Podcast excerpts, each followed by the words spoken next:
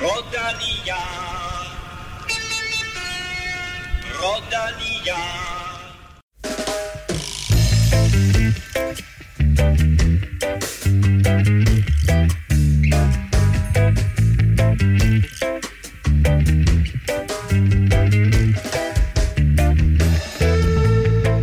Endnu en omgang cykelpodcast uden cykelløb, eller det vil sige, det passer ikke helt, for øh, der blev kørt en virtuel udgave af Flandern rundt i weekenden, og det blev lidt af et tilløbsstykke.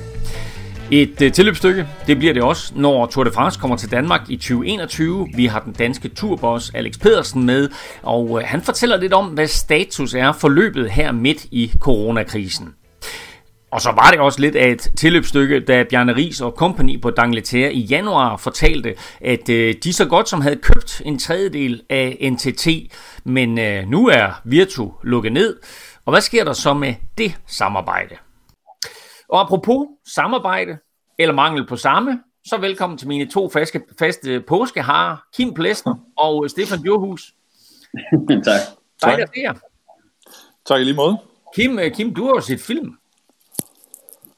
Ja, altså jeg, jeg så godt, at Pornhub har er steget meget her i, øh, i lockdown, så jeg vil da gøre mit. Nej, jeg har set øh, dokumentaren om Movistar, og øh, også læst underteksterne, men det kommer vi tilbage til.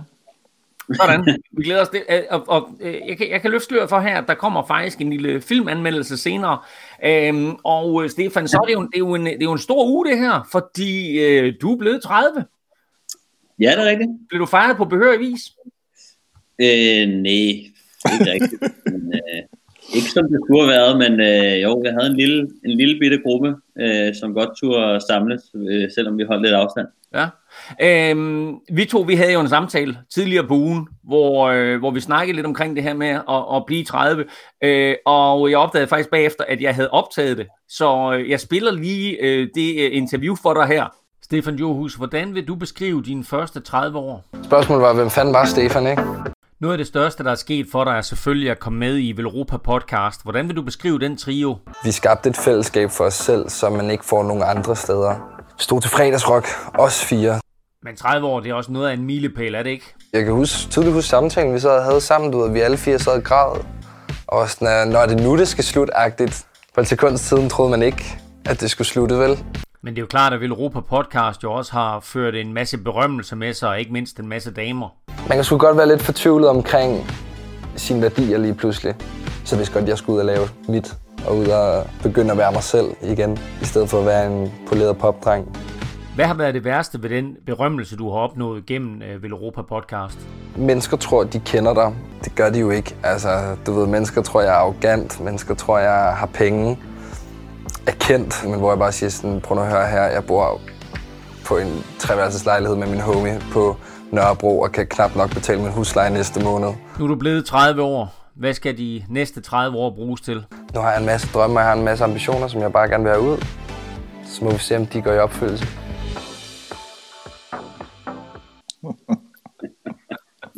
Hvad, Tillykke med fødselsdagen, Stefan. tak for det. Hvad, hvad var det her? Det, hvad det var? Det var da den samtale, vi to vi havde tidligere på ugen. Ej, det, det, det, det, okay, altså, det, det var vist sammenklip af en eller anden uh, ung uh, popdreng, der hed Stefan, uh, og så synes jeg lige, det, det, det passede så godt på dig. Det passer meget fint, synes jeg.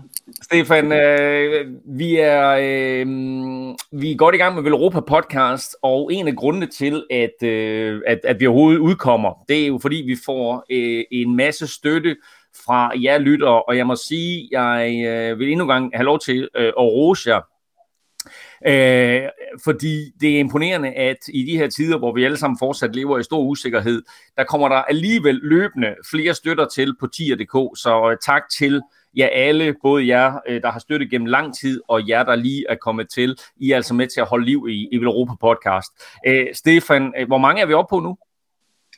Øh, vi er oppe på 533, øh, og vi har den øh, næste præmielodtrækning ved 550, så, så det er ikke så langt igen. Øh, men 533, det er simpelthen et vanvittigt flot tal. Så øh, tusind tak til alle, der støtter. Og sidder du derude og synes om det, du hører lige nu, så hop øh, ind forbi øh, tier.dk og øh, øh, giv os, øh, et, øh, giv, giv os lidt, lidt kærlighed. Øh, du kan finde os i din yndlingspodcast øh, til både iPhone og Android, og uanset hvor du lytter, så vil vi sætte pris på både stjerner og en anmeldelse. Det hjælper os nemlig til at komme ud til endnu flere cykelfans. Du må også meget gerne følge os på Twitter og Instagram på snablag Velropa og på facebook.com Velropa, så går du nemlig aldrig glip af det seneste nye fra cykelverdenen. Mit navn er Claus Elming, og du lytter til Velropa Podcast. Mens vi optog den seneste udgave af Europa Podcast, så kom meldingen om, at Bjarne Ries, Lars Seier og Jan Bæk havde valgt at stoppe deres Virtu-projekt. Kim, øh, betyder det her så, at Ries ikke længere skal være sportsdirektør hos NTT? Nej, det betyder det ikke, og det, det var jo nærmest øh, noget af det eneste, der stod helt klart efter, efter de sendte pressemeddelelsen ud, at han fortsætter som, som øh, teammanager eller, eller ledende sportsdirektør på, på, på NTT. Så, øh, så den, den skulle være sikker nok i hvert fald. Men hvad med det her med, at øh, Virtu øh, havde lavet en aftale om, at de ville købe en tredjedel af NTT Pro Cycling? Øh, holder det stadigvæk stik, fordi som det blev beskrevet på det pressemøde på Dangletære, så var det en hensigtserklæring? Ja, det var også det var jeg lidt usikker på, fordi det, det, det meddelte, eller det, det, det lød der ikke rigtig noget om, og man, man, øh, man sad sådan lidt, hvad, har de en, en, en, god, en god sag egentlig, og kan sige, jamen øh, hør en gang, øh, vi havde egentlig planlagt at købe det her, men øh, nu kommer corona, og vi må nedlægge alle vores, øh, vores øh, forretningsområder, så, så det kan vi selvfølgelig ikke alligevel. Men hvad jeg har sådan kunne, øh, kunne snakke mig frem til med nogen, der ved noget om det, der, øh, der tror jeg, at den stadigvæk øh, er i spil, og, øh, og om ikke, hvis ikke den endda er øh, faldet på plads, den hensigtserklæring var åbenbart noget med, at der var så mange personer og selskaber involveret på tværs af Europa, at, øh, at det lige tog noget tid at finde ud af, hvordan man skulle lave selve konstruktionen. Øh, så, så jeg går ud fra, at, at, øh, at Lars Seier, Jan Bæk og Bjarne Ries i en eller anden form ejer en, en tredjedel af, af NTT. Og, og man kan også sige, de penge, der skulle gå øh, i det her køb, er jo ikke noget med, at de, de skyder nogle penge ind som, som sponsorat på cykelholdet det er jo til Doc Ryder, de her penge går.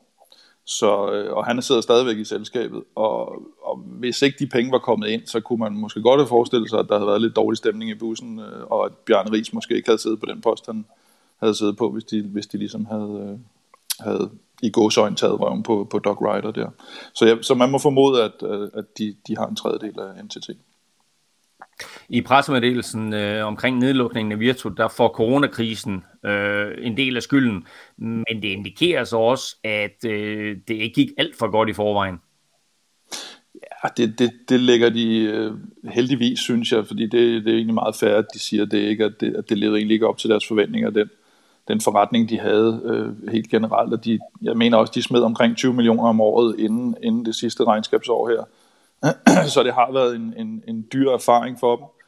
Og, øh, og som de også selv siger, de havde håbet på, at de havde fået det her World Tour hold ombord lidt tidligere, og det kunne måske have, have reddet øh, en hel masse ting. Altså, de har jo, altså, Rises gamle hus nede i, eller gamle, det er, så, det er sådan lidt hårdt sagt mod sådan en lækker villa, der ligger nede i Toskana, men hans, øh, det der tidligere var Rises villa dernede, har de jo indrettet til ny kæmpe servicekurs, og Christoph, den gamle Team CSC-mekaniker, rundt dernede, og skulle hygge om en hel masse folk, der skulle derned og cykle, men, men man kunne godt se med, med den måde, tingene udvikler sig på, ikke mindst i Italien, at det vil blive ret meget op ad bakke at bygge øh, lige præcis den forretning også. Så, så jeg kan egentlig godt forstå, at, øh, at de, de siger, at det, det her, det prøvede vi, og, og, og, og det gik ikke.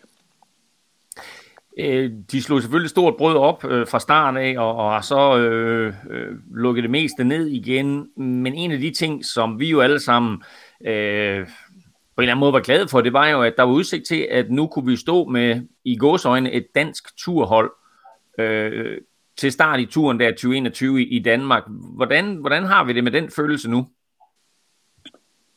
Øhm, jamen, altså, øh, det er selvfølgelig ærgerligt, fordi at øh, på den måde, det, det ris han bringer ind, og det vi har været vant til at se fra ham, har jo været, at han har bygget et, et altså han har bygget verdens bedste cykelhold på et tidspunkt, som jo vi alle sammen har siddet og hæppet på, og, og det bliver så ikke til, det kommer ikke til at ske igen. Øh, til gengæld så synes jeg, at med den truppe danskere, vi har, så, øh, så kommer det ikke til at betyde noget, fordi alle de danske stjerner, vi har, de kommer nok til at være til start. Men, øh, men det vi havde håbet lidt på, var at se den her det her, øh, den her opblomstring og, og spænd, spænding frem mod turen og se, om, om vi fik et dansk hold til start. Og den har vi på, på en eller anden måde stadig, i og med at øh, rival, øh, mit gamle hold, øh, dengang jeg var på rival, kan man sige. øh, det er før du blev 30. ja, øh, de er jo stadig, de jagter jo stadig at, at komme til, til start, selvom det ser svært ud lige nu, så, øh, så er det jo i princippet, øh, jagter det jo en, en dansk turstart, så, så den, den kan vi stadig få lov at følge lidt med i. Okay, det er jo øh, super spændende, at, at de håber på et wildcard der. Øhm, Kort her, øh, Kim, til sidst. Øh, Bjarne Ries, altså nu, nu siger du, at, at det lader til, at de stadigvæk fuldfører købet her, men ellers så stod det også, øh, eller kunne jeg forstå, at Bjarne Ries uanset hvad, øh, fortsætter som en eller anden form for, for, for sportsdirektør eller øverste sportsledelse. Ja, det, det, han har den samme rolle, som han, som han hele tiden har haft, og, og man kan sige, at, at de der øh, onde tunger, der lidt var i forbindelse med, med hele det her pressemøde, det, der var en masse, der skrev om det her, det handler egentlig kun om, at Bjarne har fået et nyt job. Det, det fik de så i sidste ende egentlig ret i, kan man sige. Fordi det er lidt det, der, der er sket. Altså udover at de selvfølgelig ejer en, en, at der er nogle danskere, der ejer en, en del af, af firmaet bag, så, så er det egentlig lidt det, der det kom til at, at munde ud i, at, at, at, at Ries er kommet tilbage på et World Tour hold, og, og så kom der selvfølgelig lidt, lidt ekstra danske øh, profiler ind på holdet, med, både med Lars Bak i, i, i den sportslige ledelse, og, øh, og Kabel og, og hvad hedder det, Stokbro, som måske ikke var kommet over, Lars Mikkelsen selvfølgelig også. Så, så der er selvfølgelig en lille, en lille dansker koloni der, øh, og hvordan, om man får den der dansker feeling omkring det der hold, øh, når, når, vi, når vi ruller afsted øh, næste år i turen, det, det, det må tiden vise. Og lidt senere der kan du høre fra en anden dansker, nemlig bossen for den danske tur snart, Alex Petersen, og høre, hvad han har at sige om flytningen af starten på den danske tur til næste år.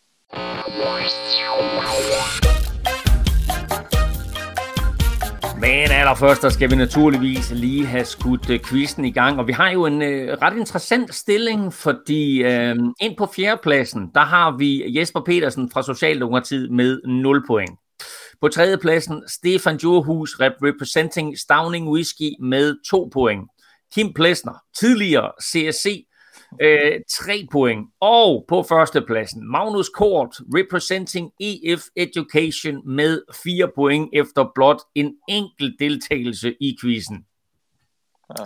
Men øh, quizzen i den her uge, øh, den drejer sig jo om et øh, løb, der skulle have været kørt på søndag. Eller, ja, lørdag er det vel. Fordi Paris-Roubaix øh, skulle have været afviklet i weekenden, og øh, i øh, den forrige weekend, der blev Flandern rundt jo kørt. Men øh, igennem årene, der er der 10 ryttere, der har vundet begge løb samme år. Men kun to ryttere har gjort det to gange. Hvem er de to ryttere? Er spørgsmålet forstået? ja. Ja, der er to rytter, der har vundet Flandern og Roubaix samme, altså samme år to, to gange. To gange. Præcis. Ja. Så okay. øh, det, er, det er spørgsmålet i, øh, i ugens quiz, og jeg glæder mig til at høre jeres, øh, jeres svar. Og øh, til jer to og alle, der sidder og lytter med, der er kun én regel i den her lille Velropa-quiz, og det er, lad være med at google.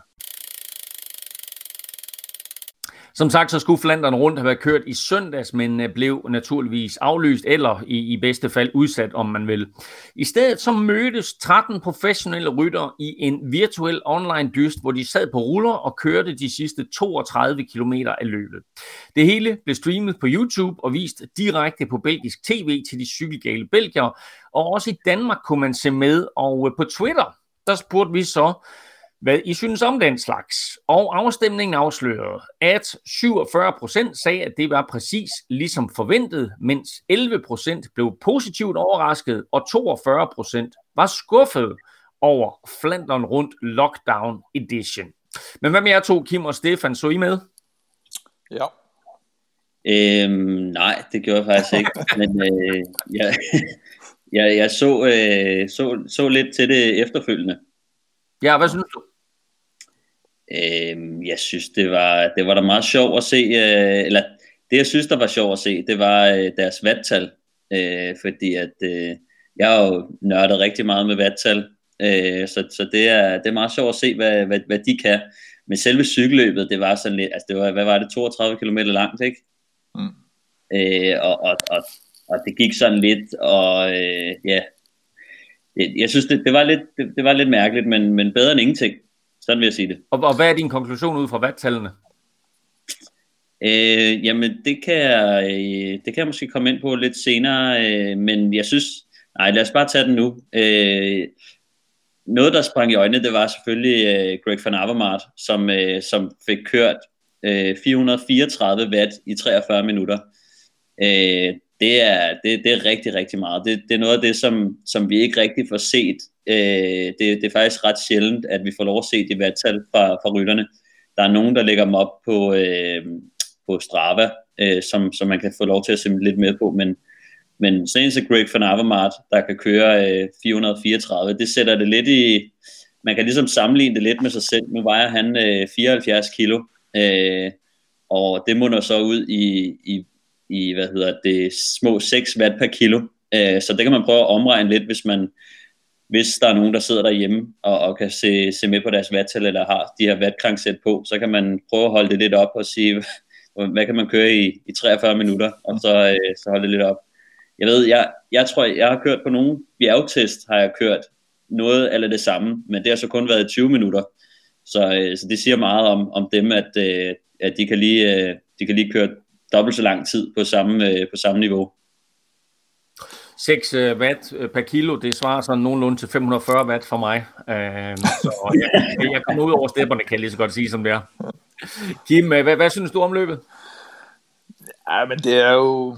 Jeg tror, jeg tror, jeg havde det lidt, eller jeg kunne i hvert fald fornemme, jeg så det på Eurosport, og, og Thomas Bay og Brian Holm sad og, og kommenterede det, og, og, og de kunne held, man kunne, altså, selvom det var så kort et løb, så kunne de nærmest ikke holde øh, koncentrationen. De sad og snakkede om alt muligt andet end, øh, end selve cykelløbet.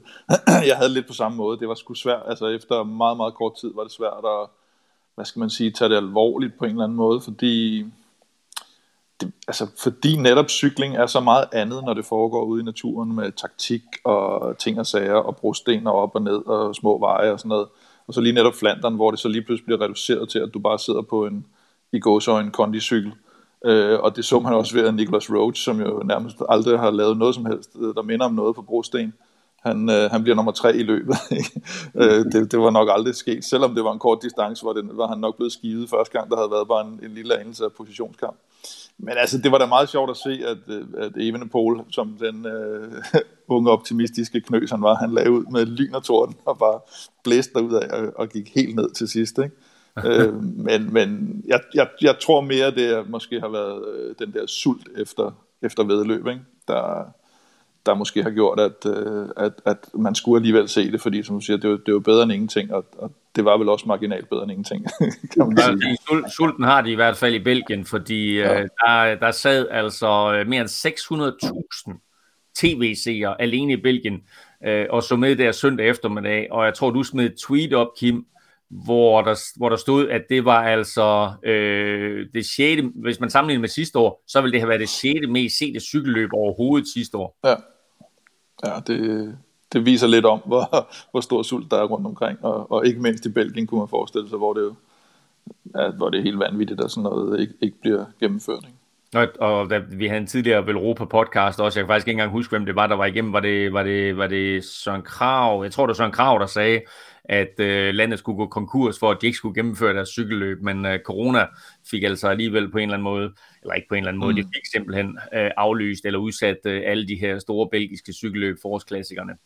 Betyder det her, at øh, altså den succes, som, som der i hvert fald har været i Belgien med hensyn til seertal, betyder det, at vi kommer til at se flere af den her slags løb, og måske også selv, og selv når vi er forbi coronakrisen? Jamen, altså, jeg tror, altså, det her har jo helt, helt klart sin berettigelse, og jeg tror også, det, det er jo rigtig sjovt, øh, når du sidder på en, øh, når du sidder på ruller, eller sidder derhjemme, eller et eller andet, at det er meget sjovere, hvis du kan køre mod nogen, og i øjeblikket kan du køre mod alle mulige professionelle øh, på forskellige platforme og sådan noget, og det er der tusind gange sjovere, end at bare sidde nede i sin kælder og svede ind i et håndklæde. Så, så det har jo helt klart sin berettigelse, men jeg tror måske, den her med, med livestreaming af det på tv, i hvert fald på kort sigt, er det nok et fænomen, der hører til under, under lockdown, øh, netop fordi der er så stor forskel på, på, på cykelløbene. Ja, jeg tror faktisk noget af det, noget af det, som det alligevel har bevist, det er, hvor mange, der, øh, der er villige til at, til at se med. Altså, øh, der er jo ret meget forretning i det, hvis du kan få 600.000 til at se med. Øh, så er der penge at tjene på det. Så det kunne sagtens være, at man kunne se det. Jeg tror dog ikke, det kommer til at erstatte nogle reelle cykelløb.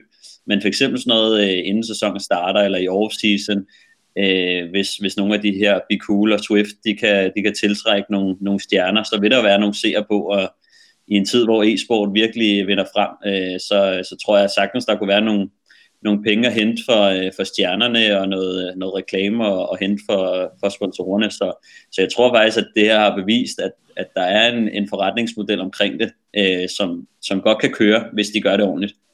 Nu skal man også tænke, når, når, i, i min kritik er det at selvfølgelig, at det er jo selve oplevelsen af cykelløbet. Og ja. dertil skal siges, at jeg de seneste seks år har stået 100 meter fra toppen på Kvartemont øh, og set Flandern rundt, og, og blevet blæst om kul, når, når feltet kommer forbi, og helikopterne og motorcyklerne og sådan noget. Så det er også ta- en tavlig sammenligning øh, med, hvad jeg så her. Ikke? Og, og det er også, altså lige netop med, med sådan noget som Flandern og Roubaix, der handler det om så meget andet, øh, mm end bare at sidde og køre nogle vets. Men for eksempel, hvis man, øh, hvis man satte sig til at køre et, eller andet, øh, et bjerg, øh, som var i, i 42-43 minutter, så, det, så har det måske været lidt noget andet. Altså hvis du kunne få nogle bjerggeder til at, til at køre med eller sådan noget, men lige netop det her, hvor der er så meget charme og, og udfordring på, på ruten og elementerne, så, øh, så, så, så, så, så, så sidder det lidt, så bliver det gjort til skamme, synes jeg. Men altså, øh, det er jo en god pointe, det der med, at der måske er, et, et helt nyt forretningsområde, som man har fået øjnene op for her, fordi jeg har en god kammerat i Kanada, som jeg sad og fik sådan en skybøl øh, sammen med i går, og han fortalte så, at han havde siddet og kørt et løb øh, i øvrigt sammen med øh, vores egen Magnus Kort, hvor, hvor han sad i feltet sammen med Magnus. Så på den måde, der er det jo meget sjovt for amatører at kunne, at kunne logge ind, og så køre en etape eller en træningstur eller et eller andet øh, sammen med en øh, professionel Vinder af, af den her øh, virtuelle Flandern rundt, det blev øh, Greg van Avermaet. Han angreb på Paterberg med små 10 km igen, og så kom han alene til mål. Han vandt løbet foran Oliver Narsen og med, øh, som Kim fortalte, Nicolas Rhodes på tredjepladsen, der kom ind sammen 20 sekunder efter Belgieren.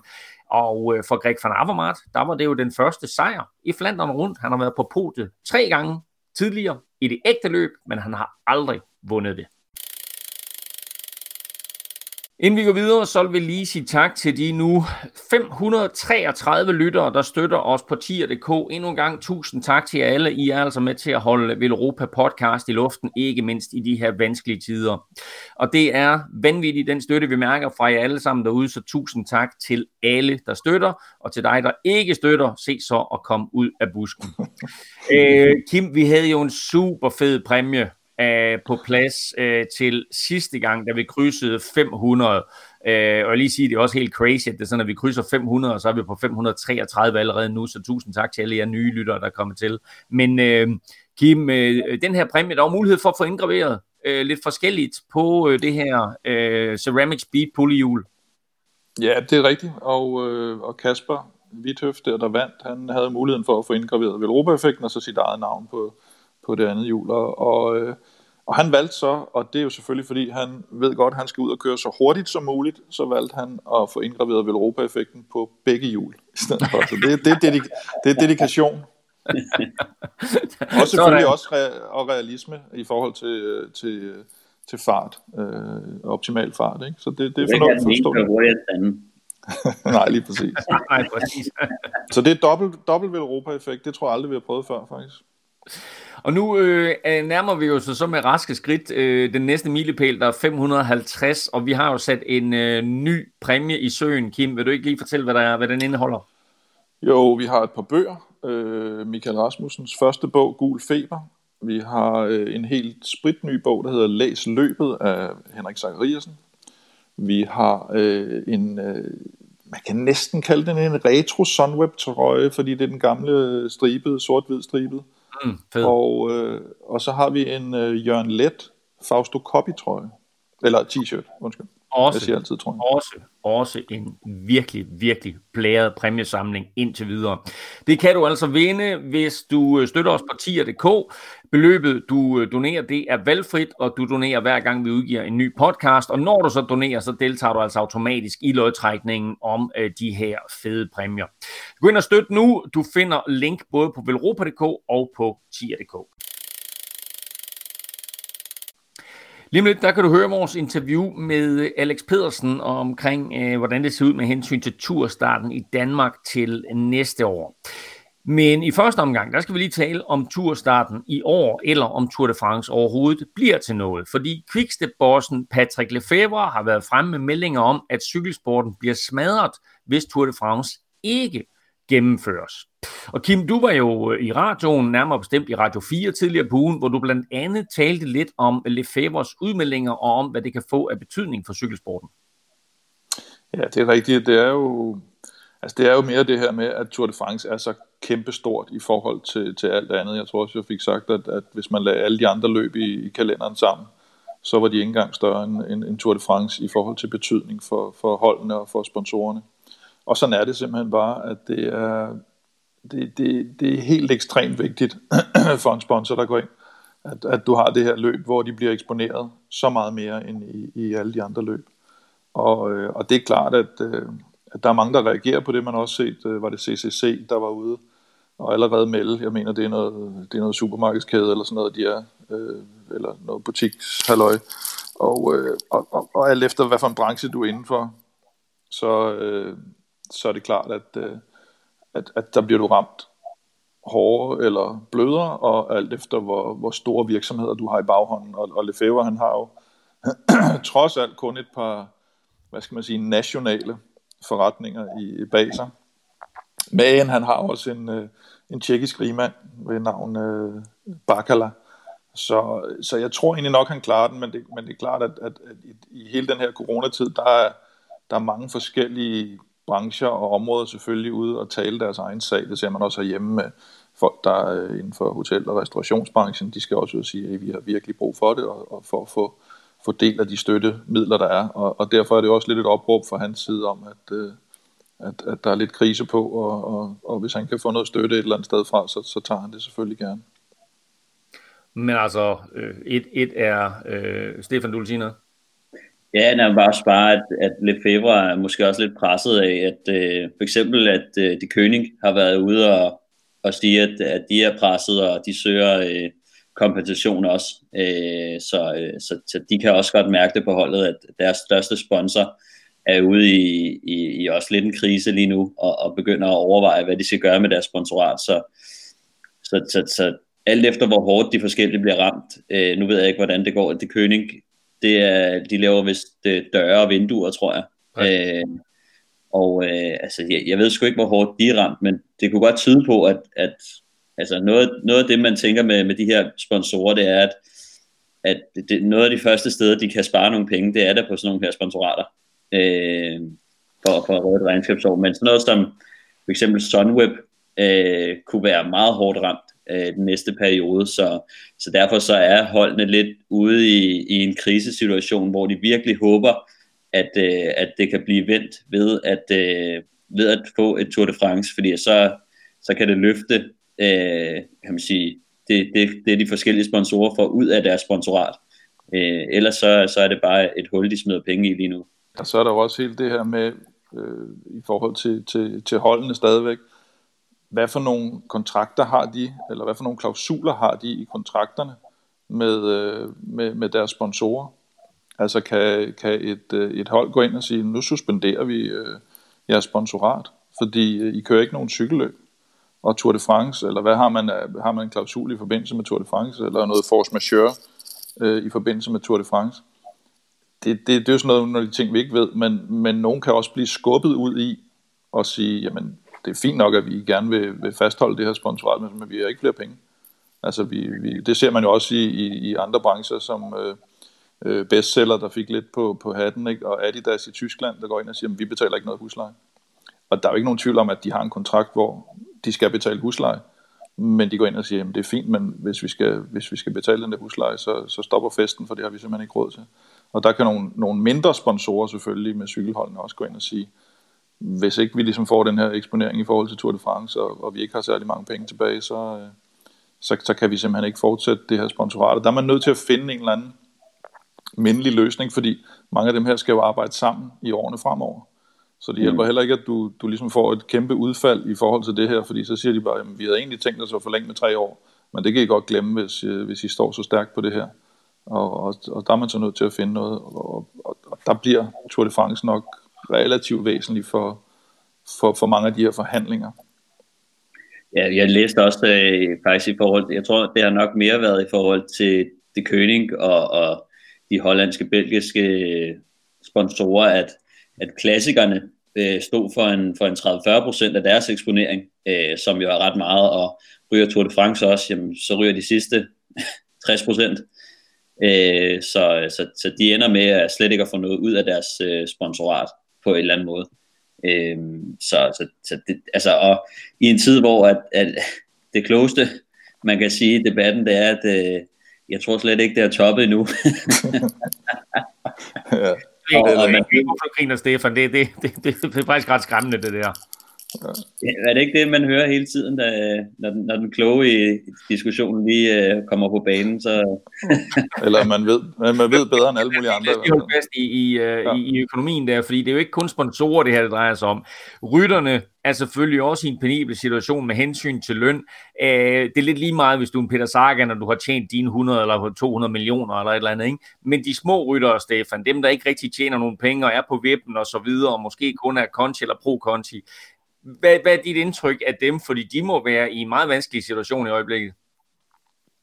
Jo, altså nu ved jeg i hvert fald øh, med de, altså, de rytter på rival, de, øh, de er jo de er lidt sikret af, at, at nu søger rival øh, lønkompensation øh, hos, øh, hos staten jo, og, og, og hvis de kan få betalt øh, 75% af, af lønningerne, jamen så har de reddet en, en hel del. Jeg tror ikke, det er det samme i udlandet. Nu, nu sagde vi sidste gang, at, at øh, hele Burgers BH-holdet, øh, de har bare lukket ned fuldstændigt.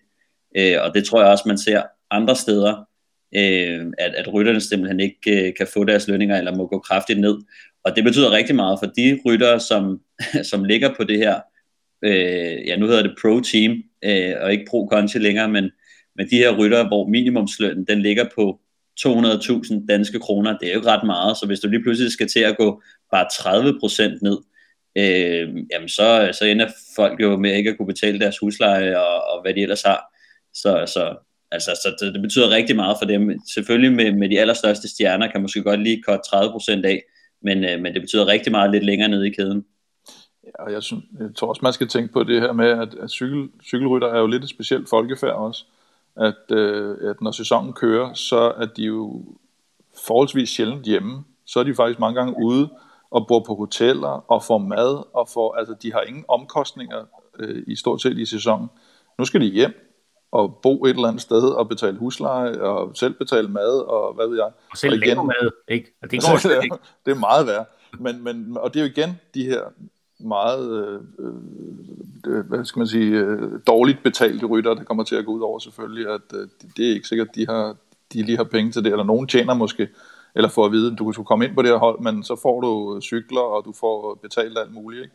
Øh, mm. i, i gåsøjne i naturalier, men, øh, men, men øh, så får du til gengæld ikke særlig meget løn.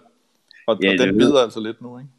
For, for mig selv også, som, som heller aldrig var, var særlig godt betalt, så betyder det meget, at man har øh, 100 rejsedage, hvor man ved, jamen dem kan jeg lige så godt tage ud af kalenderen, fordi der får jeg, øh, får jeg ophold og mad, og der bliver vasket tøj og alle de her ting, som man, så man lige pludselig kommer hjem, så finder man ud af, hvor mange penge man faktisk skal bruge, bare på at, på at leve. Men det, men det, men det Lefebvre jo egentlig, pointen var jo det der med, at, at det vil smadre cykelsporten. Det, det tror jeg, og det tror jeg egentlig, vi også er enige om, tænker, at, at det, det gør den jo ikke. Det gør den selvfølgelig ikke, fordi cykelsporten overlever jo øh, nærmest uanset hvad. Fordi om så øh, hele feltet i, øh, i en forårsklassiker fik en krone for at køre den, så vil de gennemføre det alligevel, eller så vil de køre for at vinde og gøre alt for det. Altså, det er bare et spørgsmål om, på hvilket niveau den kommer til at fortsætte. Så, så når han taler om, at det vil smadre cykelsporten, er det selvfølgelig et eller andet niveau af økonomi, det kommer til at smadre. Fordi det er jo ikke sådan, øh, og vi har hørt det før i forbindelse med doping, og sådan, at nu er cykelsporten færdig. Fordi sådan, men den, den forsvinder jo ikke. Altså, så, så, så kører man jo nærmest bare som amatør til sidst. Den, den vil altid fortsætte.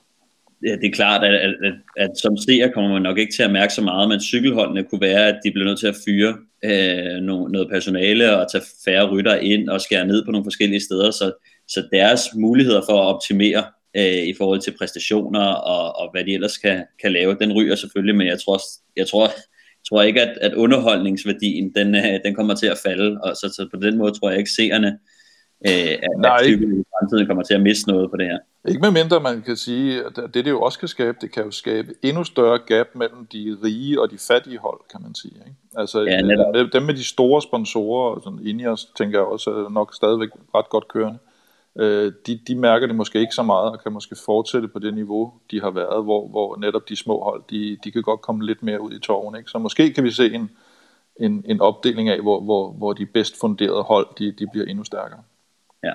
Og dermed jo også en, øh, en udfordring med hensyn til en risiko for, at øh, alle de bedst betalte ryttere, de bliver samlet på, på ganske, ganske få hold, fordi det er dem, der øh, efter den her krise her har råd til at betale dem.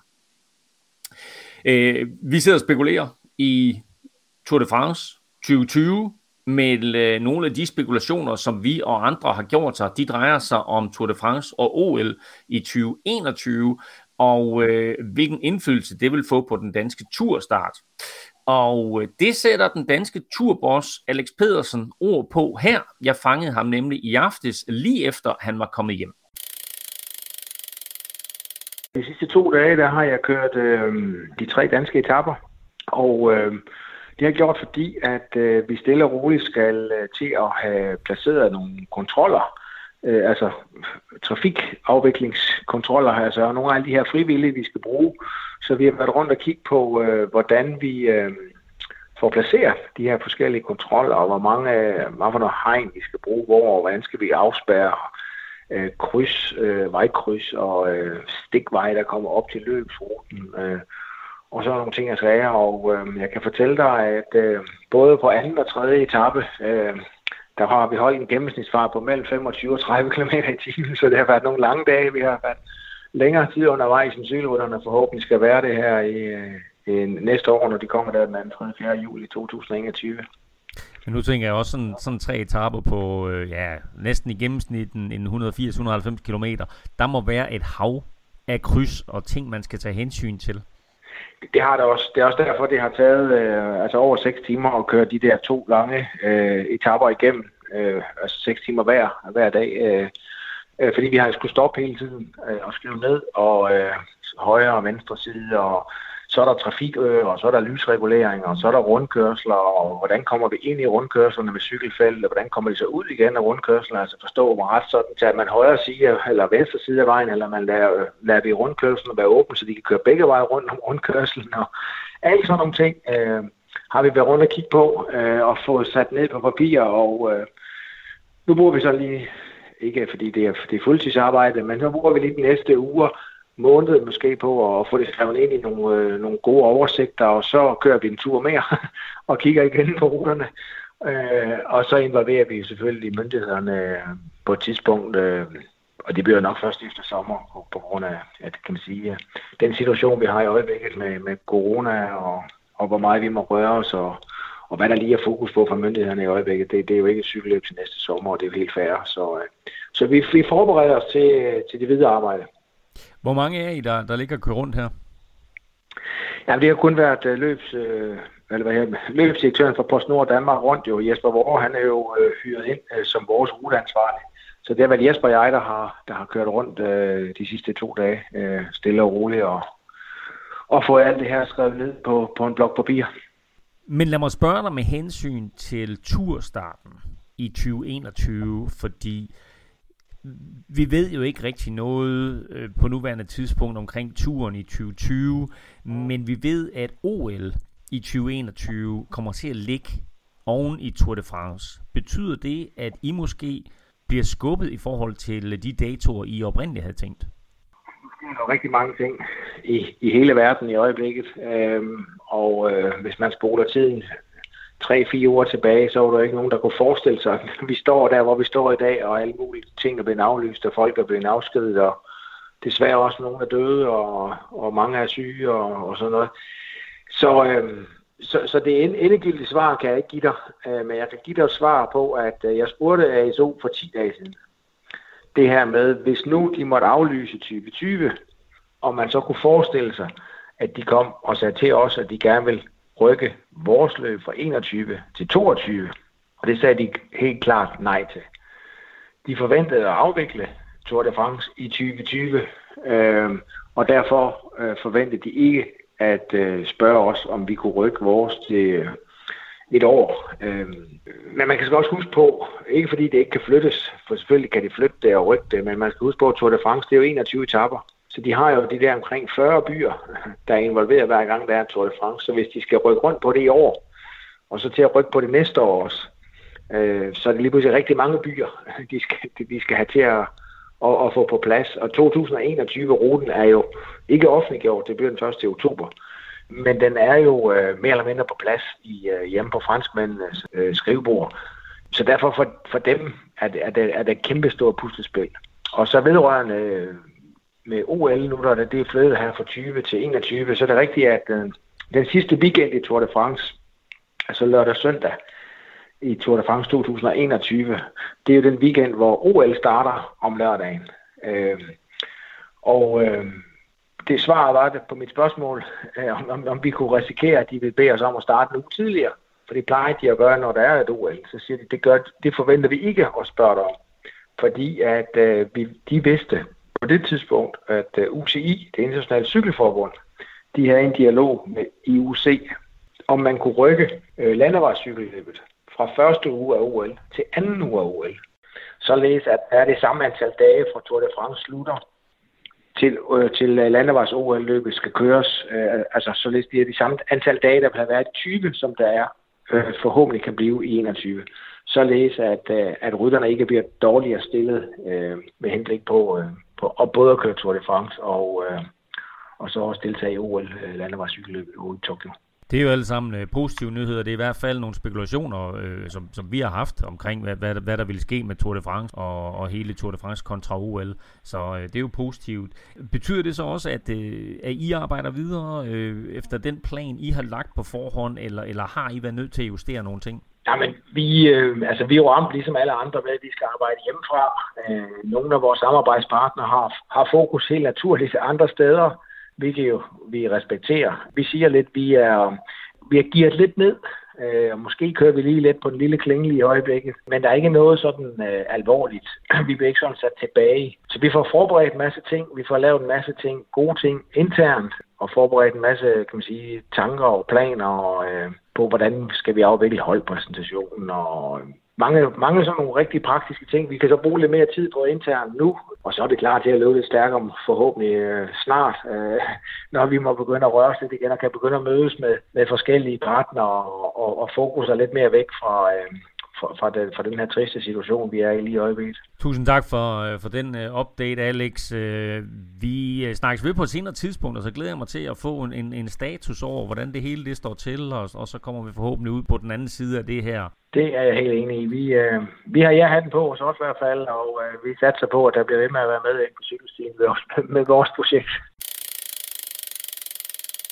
Han kommer med mange interessante pointer her, Alex Pedersen. Ikke mindst selvfølgelig, at Tour de France forventer at køre i år, som vi spekulerede lidt i, men, men er det, øh, et, et er selvfølgelig, hvad Pryt om han siger, noget andet er, hvad der er realistisk. Hvad, hvad siger du, Kim? Ah, jeg vil sige, at, at som det går ned i Frankrig lige nu, så, øh, så er man ikke super optimistisk, men man skal bare hele tiden have den der med, hvor stort Tour de France er, og hvor meget de vil gøre for at gennemføre det. Altså ikke, ikke kun ASO, men også Frankrig som land. Og jeg tror også, der ligger noget, du ved, altså kan de komme igennem med en Tour de France, om så bare bliver forsinket eller udskudt, så kan det være en af de ting, der også kan være med til at samle en nation op igen. Ikke? Altså, øh, de er jo, de er jo sådan relativt nationale nede i Frankrig, når det, når det, når det slår dem. Ikke? Og, og sådan en begivenhed, den vil være vigtig for dem oven på, øh, oven på en, en nedtur. Men, men det er klart, at hvis, hvis det har for store sundhedsmæssige konsekvenser, får de selvfølgelig ikke lov. Men altså en af de ting, som der er nævnt for netop at, at begrænse øh, spredningen af corona eller risikoen for det, det er jo det her med at afvikle det udelukkende som en tv-begivenhed. Øh, og det vil altså sige uden tilskuer på ruten. er det overhovedet realistisk at gennemføre? Altså, teknisk set er det jo. Altså, det, det kan du godt, og det afhænger jo lidt af, hvad, hvad, hvad sponsorerne siger, hvad start- og målbyerne siger. Altså, de, de får selvfølgelig, selvfølgelig stadigvæk en eksponering i de her start- og målbyer. Øh, hvis der ikke er nogen, der kan rejse rundt i Europa, så, så får de ikke så meget ud af den på kort sigt, den eksponering. Så skal folk kunne huske den til, når de engang skal ud og rejse igen. Men, øh, og, og de misser ligesom hele det her med, at, at folk øh, stemmer sammen i, i start- og målbyerne og køber ind i butikkerne osv. Så, videre, ikke? så, så den er svær, men, men det er jo spørgsmålet om, om det er det bedste af nogle dårlige alternativer, og, og, og så bare få den gennemført, og så med nogle restriktioner. Men hvilke scenarier tror vi sådan mest på lige nu? Øh, at, at det bliver gennemført efter, efter planen, eller at, at det bliver udsat, øh, helt aflyst, eller måske sammenlagt med, med Vueltaen, som der også har været op at vende? Altså, ja, den seneste var jo, at, øh, at der er ret vedholdende forlydende om, at de, de prøver at udsætte den nu her til 25. juli øh, starten, fordi OL er blevet udskudt, og, og det, det giver selvfølgelig meget god mening. Øh, og det bliver sådan meget på vippen, vil jeg sige, ikke? Om, øh, uden at skulle være øh, sundhedsekspert. Så, ja, så ser det skidt ud dernede nu, men der kan, om 14 dage, så kan der være en eller anden gut et eller andet sted, der opfinder noget medicin, og så har vi bare en helt anden situation, ikke? og så kan det gå stærkt den anden vej, og det, det kan man kun håbe på. Jeg tror, øh, umiddelbart så, så virker det ikke til, at der bliver opfundet, opfundet noget før øh, i hvert fald tidligst øh, starten af næste år. Hvis Nå, man det, det er vaccine. Ja, jeg tænker mere på noget, der kan behandle det, ikke? fordi jeg er godt klar over, at vaccinen den kommer sgu ikke lige øh, forløbet. Men, øh, men nej, jeg, jeg synes, det ser svært ud. Jeg, jeg, jeg tror virkelig, man skal, man skal passe på med at have for høje forhåbninger. Det jeg også synes er sjovt, det er, at man bliver ved med, at så udskyder man og finder på nye og begynder at spekulere allerede nu, og i, i bund og grund så ved vi ikke noget. Altså det er jo bare, øh, det er jo bare en eller anden nødplan, som alligevel skal laves om øh, inden længe, fordi at, altså, øh, ja, altså... Det, og det er ikke toppe endnu jo. Nej. det ved alle jo. Alle på Facebook ved det. Danmarks, øh, Danmarks Cykelunion, de sidder også lidt med en, øh, en udfordring her, fordi uh, Mette Frederiksen, hun meldte jo ud, at større forsamlinger er forbudt til og med 31. august, og det betyder jo blandt andet, at uh, alle de store festivaler ryger, og der er andre, som, som bliver ramt af det her. Og det gør Danmarks største cykelløb naturligvis også, på Nord Danmark rundt. Øhm, Kim, jeg ved, at du for et par dage siden, der talte du med direktøren i Danmarks Cykelunion, Martin Ellebjerg, om det her. Hvad sagde han? Ja, men han sagde, at, øh, at han egentlig ikke kunne sige så meget, kan man sige. Men det var, men det var også et svar, fordi øh, de, de afventer et, øh, et møde med PostNord øh, her efter påske.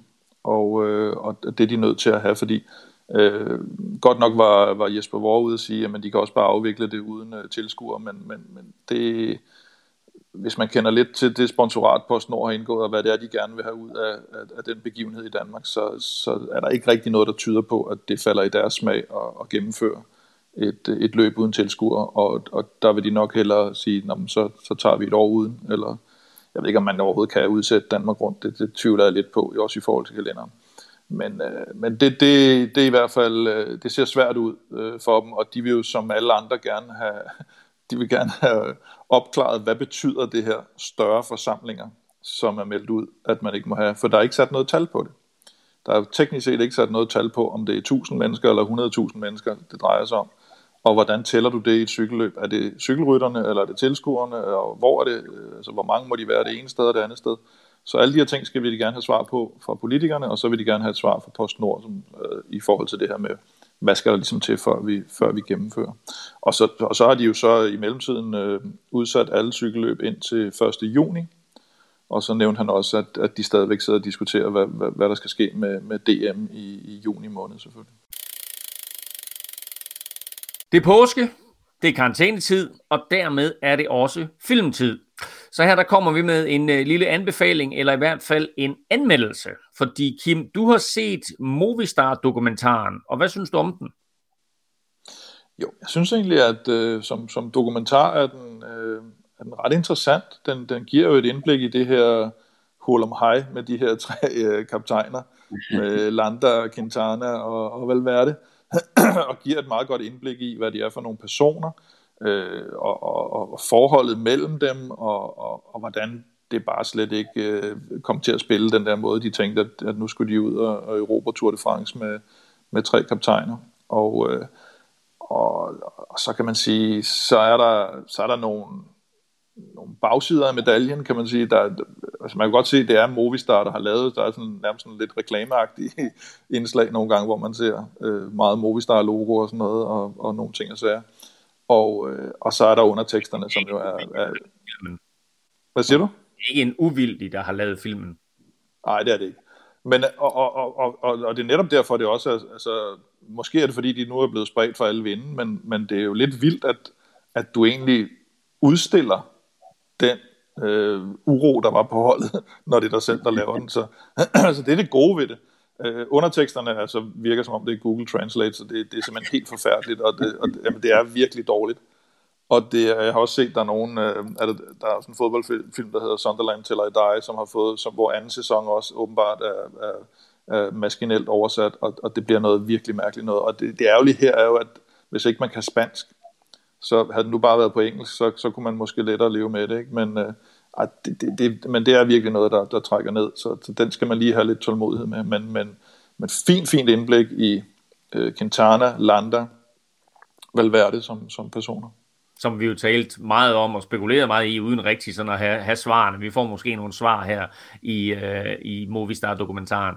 Øh, øh, lad, os, lad os komme med nogle anbefalinger til andre film, fordi jeg ved, I, I har set en hel del. Øh, hvilke andre film vil I anbefale folk at, at se i påsken? Eller i ja, jeg vil sige, der er jo, der er jo nogle øh, klassiske eller øh, større film, øh, blandt andet fra dengang jeg var på Team CSC, øh, hvor der blev lavet øh, Overcoming. Og, øh, og den holder sgu faktisk, altså, det, den, den, er, den er sgu ret fed, det må jeg bare sige. Altså, der Hvad, nogle... den handler om turen i... Ja, det er 2004, ikke? Den handler meget om turen i 2004 med, med, med Barso, der skal udfordre Armstrong og sådan noget, og, og, og, og, og man ser også lidt, hvordan Armstrong på en eller anden måde begynder at komme ind i hovedet på Barso fordi øh, Barsus mor får kraft og sådan noget, og Armstrong skal nok lige hjælpe ham, og det har selvfølgelig ikke nogen betydning og så videre. Der, der er en, en, en ret, nogle ret gode elementer der. Der er også Kurt Asle Arvesen, der kommer ud for en, en del styr, der, hvor man kan se, hvordan han, øh, han bliver fuldstændig påvirket af det. Der er Carlos Sastra, hvor øh, Jimenez, hans, øh, er det, hvordan er det, søster, svoger, ikke? Øh, hvor, hvor han må tage hjem. Og, og, altså, der, der er sgu nogle fine ting, og der er hele øh, Bjarnes... Øh, øh, opbygning af alt det her med, med BS og Ole Kåre Følge og gøre tingene på en anden måde, og Bobby Julik, der bliver, der bliver frelst ved at komme til holdet og sådan noget. Så, så det, det er super, vi taler om Overcoming før, og det er i hvert fald endnu en gang en, en anbefaling herfra. Stefan, øh, hvis du skulle anbefale en film, hvad skulle det så være?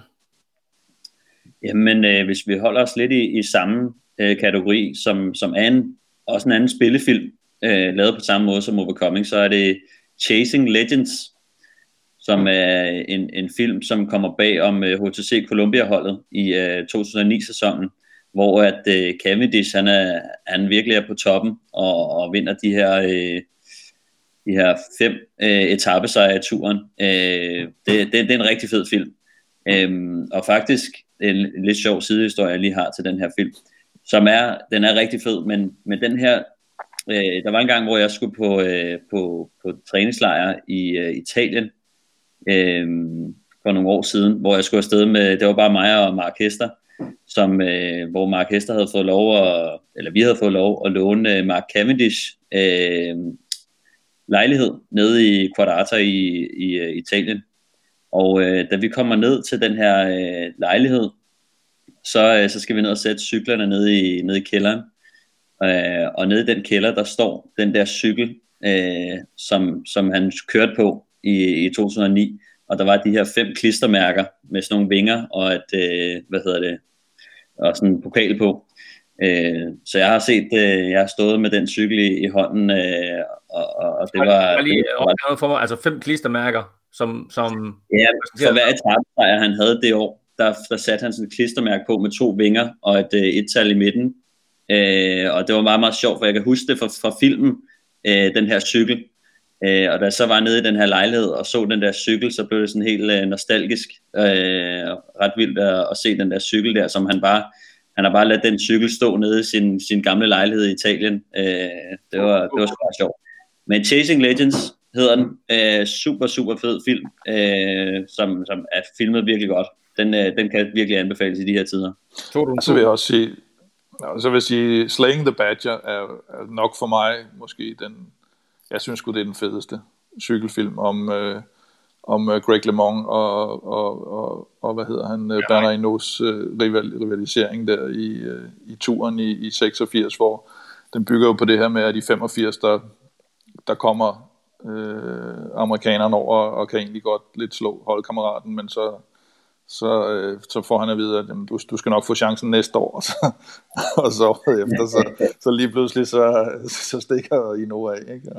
Og, og, og den der måde, både i han sidder på, det, ah, det, han skulle bare lige, han skulle bare lige mærke ham lidt og sådan noget, ikke? Og, og ikke mindst deres sportsdirektør, jeg tror han Schweizeren, Paul Køkli, som sidder og, og fortæller de vildeste røverhistorier om, at nej, men sådan var det slet ikke, og sådan noget. Det er, det er virkelig fantastisk. den, er, den er rigtig fed. Slaying, Slaying the Badger.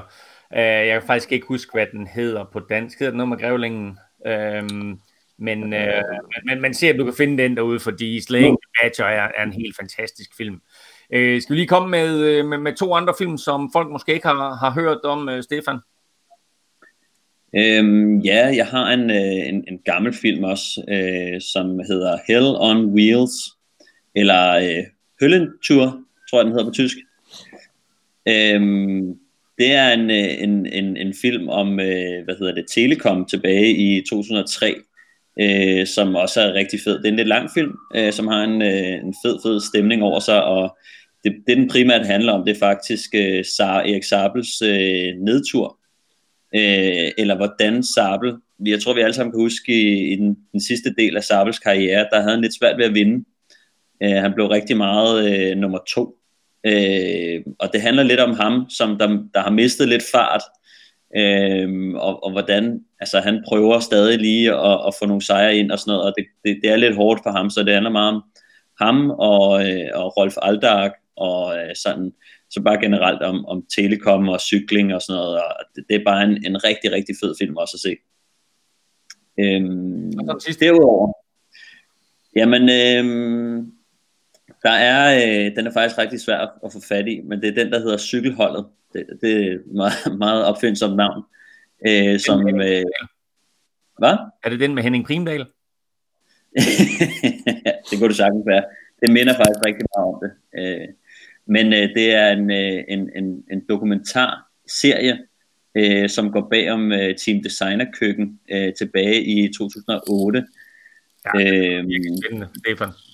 Den er, den, er, den, er, den er rigtig, rigtig sjov. Altså rigtig sjov. Og alle, øh, alle danske cykelryttere, øh, som i hvert fald har cyklet og ved lidt, lidt mere om, om sådan, øh, dansk cykling, de, de har set den her dokumentar. Det er TV MidtVest, der har lavet den i sin tid og, og den er lidt svær at støve op, øh, men den handler, det er Jakob Fuglsang, der kører på holdet, og øh, han vinder øh, Danmark rundt det år, øh, og der er øh, Gummi, hedder han Christian Andersen, som, øh, som er sportsdirektør, som er noget af en, en karakter, som, øh, som man virkelig øh, får, får nogle, nogle gode grin ud af. Øh. Ja, men ved du hvad, Jimmy Borgård, han er faktisk, øh, han er faktisk vært deroppe på TV MidtVest i øjeblikket, sådan en eller anden øh, reservechance men øh, jeg giver ham kald, og så beder jeg ham simpelthen om at finde den frem fra arkiverne, og så se om vi ikke kan få TV MidtVest til at lægge den ud på noget online halløj. Jamen, jeg har, jeg har faktisk også fået den øh, tilsendt, men øh, der er noget med, at øh, man ikke rigtig må vise den eller sende den, så, øh, så det kan være, at vi skal have fat i, i Midtvest og høre, om de ikke kan lægge den igen. Midtvest og høre, om de ikke vil lægge den ud. Øh, Midtvest lavede jo også, eller var en del af, af den her film om den danske øh, NFL-kicker Morten Andersen, og den lagde de også ud til, øh, til fri afbenyttelse, så det kan da godt være, at i de her coronatider, at øh, de har lyst til at, øh, at åbne op for arkiverne, og give os alle sammen mulighed for at se den film, der altså hedder Cykelholdet. Så det, det var fem anbefalinger tror jeg. Var det fem eller seks anbefalinger? I hvert fald anbefalinger til film, som øh, du derhjemme kan se her i påsken, eller i forbindelse med coronakrisen.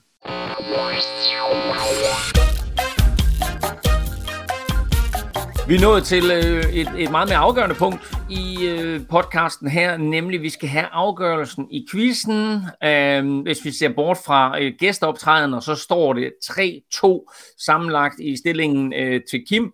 Øh, og øh, der er to point at tjene i den her uges quiz. Jeg bad nemlig om to navne. De to navne på øh, de rytter, der har vundet Paris-Roubaix og Flandern rundt samme år to gange. 10 rytter har alt i alt vundet Paris-Roubaix og Flandern rundt det samme år, men kun to rytter har gjort det to gange. Stefan, du har serveretten. Hvem skal svare først? Den tager jeg bare, den her. Den tager du sådan. Jeg glæder mig allerede. Godt så. Ja. Vi får et svar på Øh, ja, men jeg vil lige have den nemme af vejen først, og så, så siger jeg kannibalen. Kannibalen. Eddie. Er vi med på det, Eddie Max? Godt. Så, så, så Eddie Max er den ene, og hvem er den anden? Nå, jeg skal have begge to. Du får lov til at komme med to svar. Øhm, så vil jeg have øh, Johan Musef. Og Johan Musøv, det var, den var også god. Kim, øh, jeg kan fortælle, at der er minimum et rigtigt navn tilbage. Du får lov til at komme med to navne. Øh, så tager jeg, jeg skal være flink ved Stefan, jo, når han lige har fødselsdag. Så jeg tager øh, Det Flaming og øh, Van Stenbergen. Godt. Det er meget imponerende med mine to eksperter her i Velropa Podcast, at I formår at ramme 0 rigtigt. Og jeg gik jo efter det. Så. Øhm, så lad mig sige, Stefan, du får et bud mere her. Du skal tænke lidt mere moderne. Øhm, og lad være med det der. Lad være med det der. Vi, er, Øh, vi laver sådan en, vi laver, vi er på en Skype-forbindelse, kan jeg lige for, fortælle til jer, der, øh, der sidder derude og lytter med, og øh, det er ikke kysmund, som Kim han sender til Stefan, men han sidder sådan og, øh, og laver viskelyde omkring et navn, som Stefan bør sige. Ja, og det, lad nu være med det der, for nu vil du gerne til æren for, at jeg siger trombonen, og du, du, kan ikke, du kan ikke få mig ned med nakken, så det er bare trombonen. Ja, og har du et bud mere? Øhm, så må jeg sige, øh, ja, vent lige, giv mig lige, ja. Det er også bare for nemt at sige Cancellara, men, øh, men det, det er sgu det, jeg går med. Godt. Som Bonen og Cancellara. Kim, hvad siger du? Jeg siger, det er nogle gode bud. Ja, kan vi få to navne? Ja. Åh. Øh, og, øh, hvad siger du? Jeg kan lige så godt sige det, som det er. Du behøver faktisk ikke komme med nogen bud, fordi i andet hug, der nailede Stefan nemlig de to navne. Det er lige nøjagtigt Tom Bonen og Fabian Cancellara, som øh, er de to rytter, der har vundet Flandern og Roubaix øh, det samme år to gange. Så øh, du fik lidt hjælp, Stefan, men til gengæld så øh, var det fornemt at sige Cancellara, men det var fuldstændig korrekt. Og dermed så bliver der jo fuldstændig vendt op og ned på stillingen i den her, øh, det her års quiz.